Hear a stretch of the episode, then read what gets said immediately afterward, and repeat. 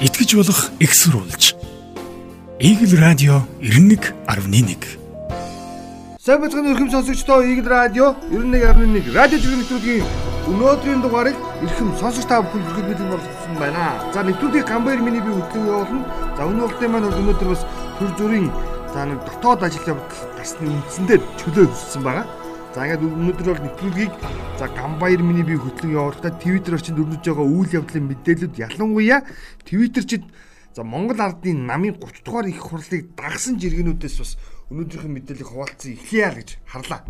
За содогийн жиргээ Монгол ардын намын 30 дугаар их хурлын гол бодлогыг бадаж харвал нэгдүгürt хүний эрхийг дордуулсан 800 хуулийн заалтыг өөрчилнө.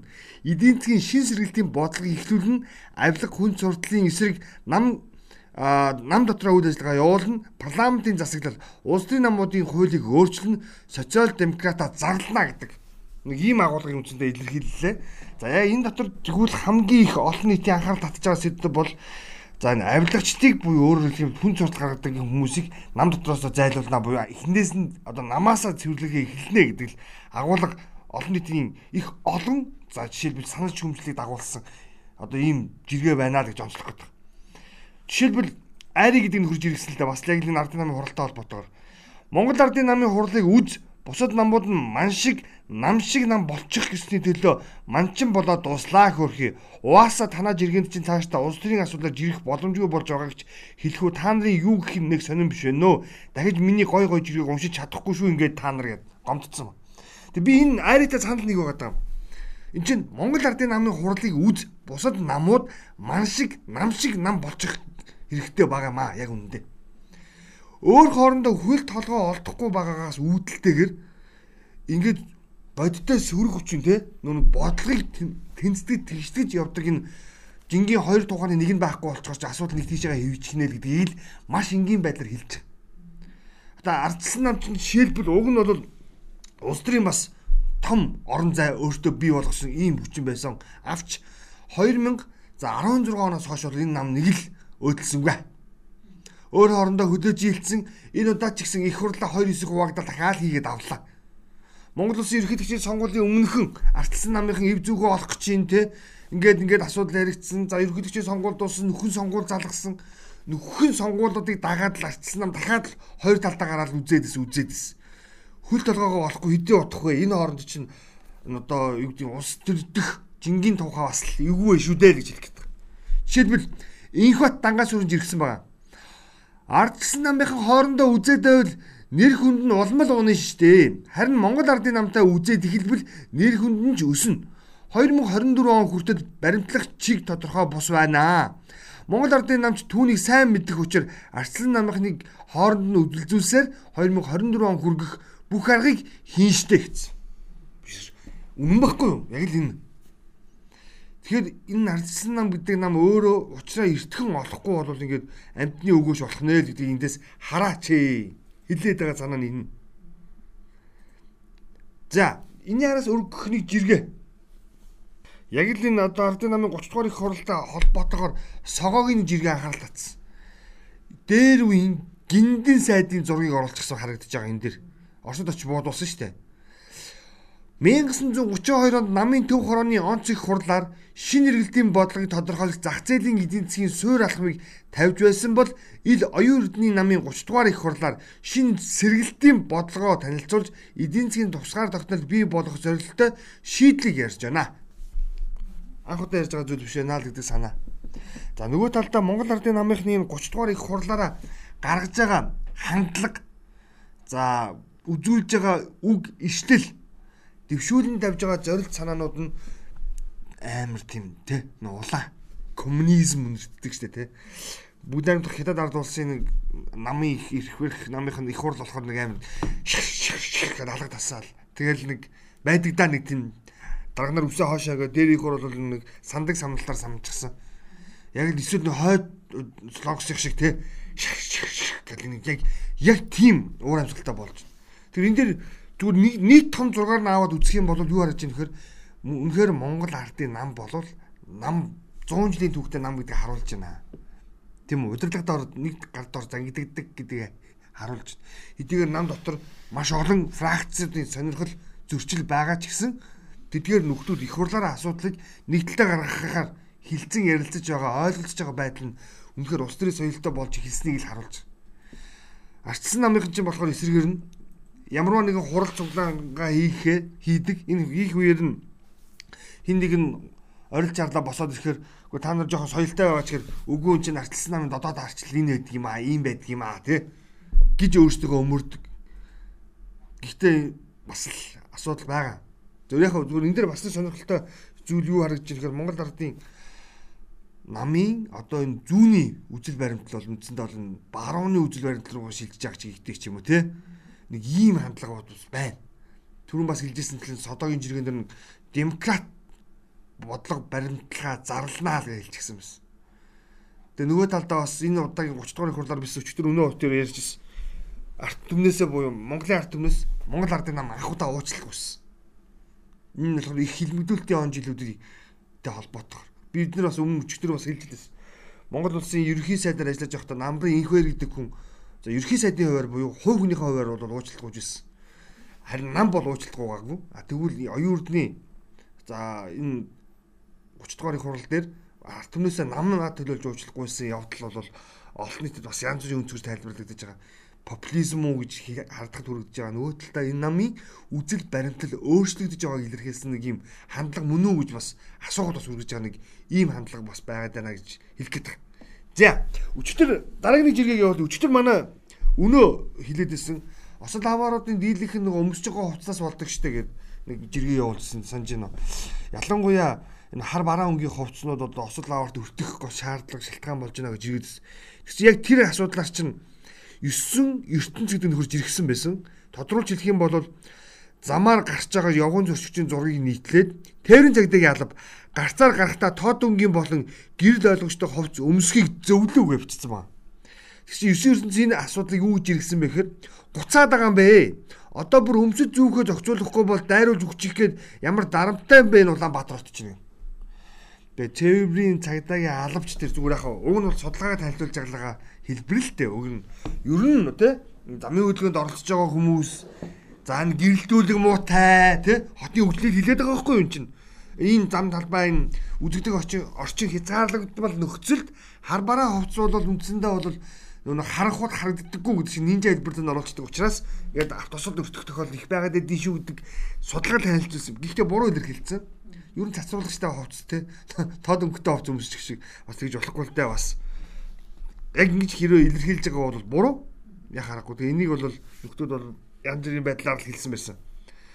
За энд нэг юм нийтэлж ганчимг сонирхолтой постыг оруулсан байсан. Нэг музейд байдаг сандал байгаа энд. За энэ сандал өөрөө юм арьсан сандал. Арьсан сандал дээр Монгол ахын зургийг оруулчихсан.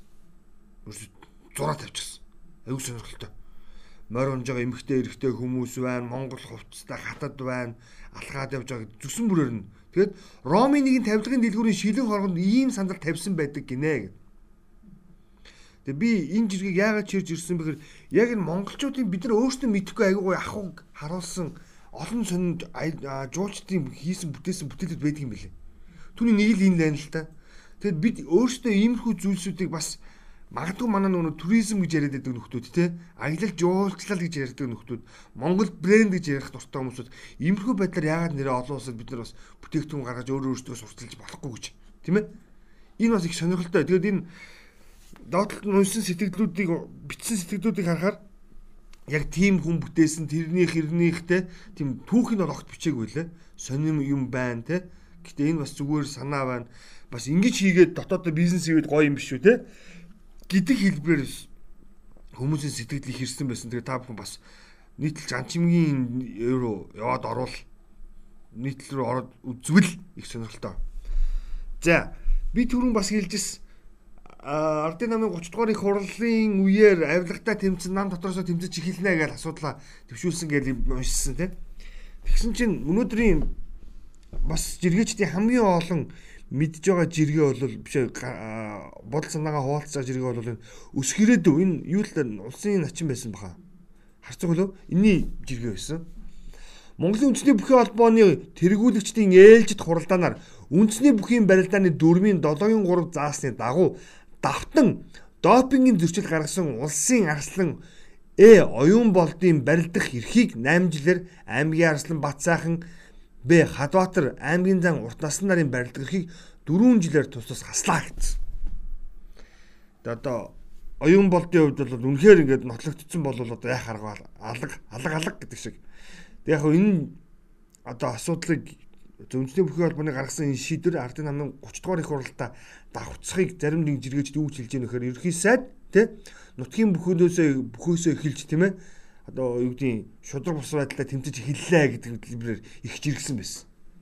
Тэр асуудлыг ямар ч гэсэн сонирхолтой байлгах үүднээс нөгөө талдаа бас ийм шийдвэр бас гарцсан байна гэж сонирхолж та бүхэндээ хэлж байгаа. Тэгээд оюун бол Арслангийн хувьд бол би бол допинг хэрэгэлсэн эсгээс нь үл хамааран Монгол бүхчүүд хамгийн гол нь энэ допинг гэхгүй байгаа ч гэдэг зүйлийг уриалах гэдэг.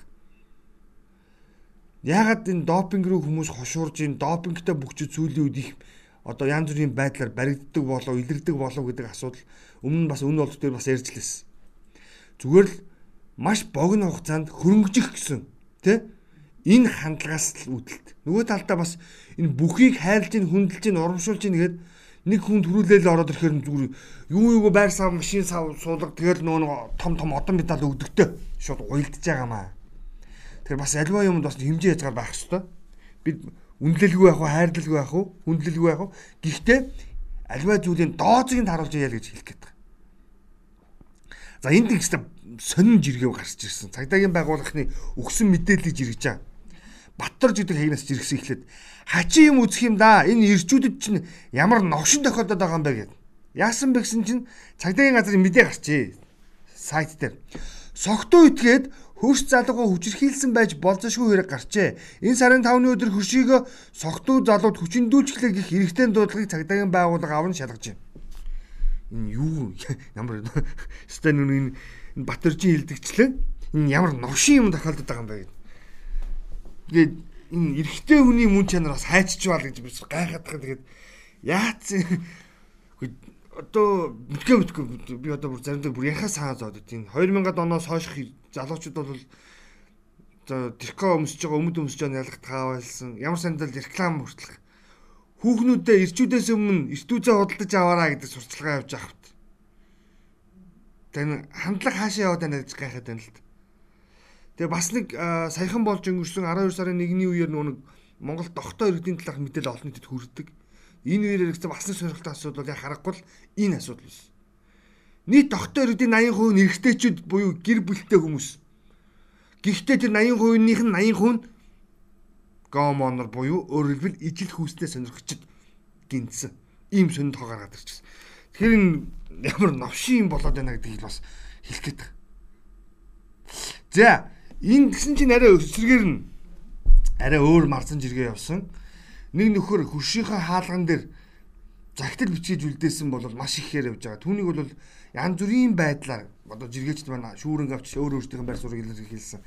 Жишээлбэл бадраа байрныхнаасаа уучлалт гуйж байна өршөө. Одоо өөр хүүхэн авчирнаа гэдэг захиаг нийтэлсэн. Захиа яасан бэ гэсэн чинь би эхлээд зүгээр захиаг нь уншчихээ дараа гол юм хэлнэ Шүн хүн 50 унтуулж амраан уу? Алуулж байгаа юм шиг чарлаж секс хийхэ болно? Давхрын чинь айлуудад хэцүү байдгийм байна. Хүүхдүүд шүн балиар чимээнэр чинь өөлц ирээд байна. Хөрш айлууд давхрын айлуудаа хүндэлнэ үү? Баярлалаа гэж хажуу айлынхаа хаалган дээр бичсэн байсан. Энэ зүгээр яг хүний эргэлдээ тэр яг өөрийн хөдөлтөд авцсан 27 м квадратаас 200 м хүртэлх квадрат талбайд юу хийнү яа нү тэр үний л асуудал. Гэхдээ нэг асуудал байна таны ирэх бусдын ихээр хязгаарлагдана гэдэг үгийг та ойлгоо. Хоёр гэвэл манад байгаа барилгын чанар өөрөө ийм байна гэдгийг хараач. Ерөнхийдөө бол тэгээд байгаа шүү дээ. Барилгын чанар өөрөө асар муу байгаагийн хамгийн энгийн илрэл буюу марзан хэлбэр илэрхийлж байгаа илрэл нь энэ байна. Тэгэд бас үлдээ яг энийг дагс нэг өнгөө гарцсан байсан л да би бүр санаанд орчлаа нэг залуу бас ингээл нэг хил дуу чимээтэл бас бүсгүүтэйгээ ингээ байдаг юм байна л. Тэгээд хажуу айлын өвгөн нь хүүгээ чи жоо чимээгүй байж болох уу гээл тэгсэн гинэ. За болноо болно. Гэтэ чигэд бүр ингээ дуурах гэдэг байл эмгтэйг хаам дээр скотч дарцгаал гэсэн. Окей л гэсэн. Тэгэл нөгөө залуучин чи уламжлалаар нөгөө ажиллаад хийсэн. Тэгэл нөгөө хажуудлын айлгаа өгнөлөө. Өвөө байна уу такс байна л гэж. Болж гин үү гэж. Болж гинэ л гэсэн. Тэгэхээр 2 дахь 3 дахь гэдэг яг энэ хэлбэрээр яриа үргэлжилсэн л дээ. Тэгээ нөгөө өвгөн сүлдө уурлаад хүүгээ чи ерөөсөө наад хүүхнийхээ амдах скотчийг авчаад тэгэхгүй чи тэрийг яагаад энэ гэж хүмүүс бодоод ах шиг байна гэдэг. Ерөөсөө л энэ ийм л барилгууд баригдаад байгаа юм л да ер нь тэгээд тэгээд амьдралаас өнгөө өөрөө амьдралаас урган гардаг. Тэгээ ийм нөхцөл байдалтай байгаа нөхцөл бид нар бас барилга байшингуудаа бас нэг жоохон өөрчилж ижиг юм байна тийм ээ. Асуудалтай бас чөлөөтэй хандах эрхийг бас эдүүлээч л гэж. Гэтэ хамгийн чухал нь бол яа харахгүй таны эрхтэй бусдын эрхээр хязгаарлагдана гэдгийг бол маш сайн ойлгоорой гэдэг үгдээс энэ жиргээ бас онцолж байгаа. За энд нэг ийм жиргээ явсан. Баттаржийн нэг жиргээ. Энэ арай өөр баттарж шүү. Том авилгачид баригдаад удалгүй хідэн цаасаар торгуулад гэртээ хараад бүгцгээж байна. Харин багш эмчнэр авилга авдаг гэж цоллуулад муу нэрийг нийтээрээ өрнө. Хаана нөгөө шудрагаас тэгш ирэх бурхан тэнгэр зартаа тэмцэгчд өөр юу юу ч үлээ бүгдийг нь чөтгөр ав гэсэн. Яг л үнэн л дээ. Тэгээд бид өндөр албан тушаалтангууд өөрсдийнх нь албан тушаалынхаа за нөгөө талдаа мэдээлэл ойрхон байдлаа ашиглаад бусдаас авилга авсан асуудал тэгж ингээд шуугаад нэг хоёр өдөр болоод өнгөрдөг. А гэтэл за боловсролын байгууллагт ажиллаж байгаа багш нар эрүүл мэндийн салбарт ажиллаж байгаа эмчтэй нэг авилгатай холбоотой асуудал ч гэдэг юм уу эсвэл нэг за ёс зүйн алтаа гаргасантай холбоотой асуудал үүсгэр нэг насаараа яригдах сэдв болдог. Тэр салбарын яг хавтгаагаараа яг ийм мэт. Хин нэг нь өөрөөр хэлбэл одоо багш нарт бухимдах ч гэдэг юм уу, эмчнэрт бухимдах үедээ мос авилгач та нар дандаа л ингэдэг үсттэй гэж хэлдэг. Тэгсэн хэрнээ байнга шахуу авилгал авсан шийтгэгдсэн тухай дарганы мэдээд нэг хоёр өдөр сонсоод мартчихдаг. Тэр тухай энд дахиж өгдөггүй яг харахгүй нөгөө нэг шудраг тэгш байдал гэдэг чинь хаана нэ гэж асуухаас өөр аргагүй байдалтай байна л гэж та бүхэндээ хэлэх гээд байгаа маа.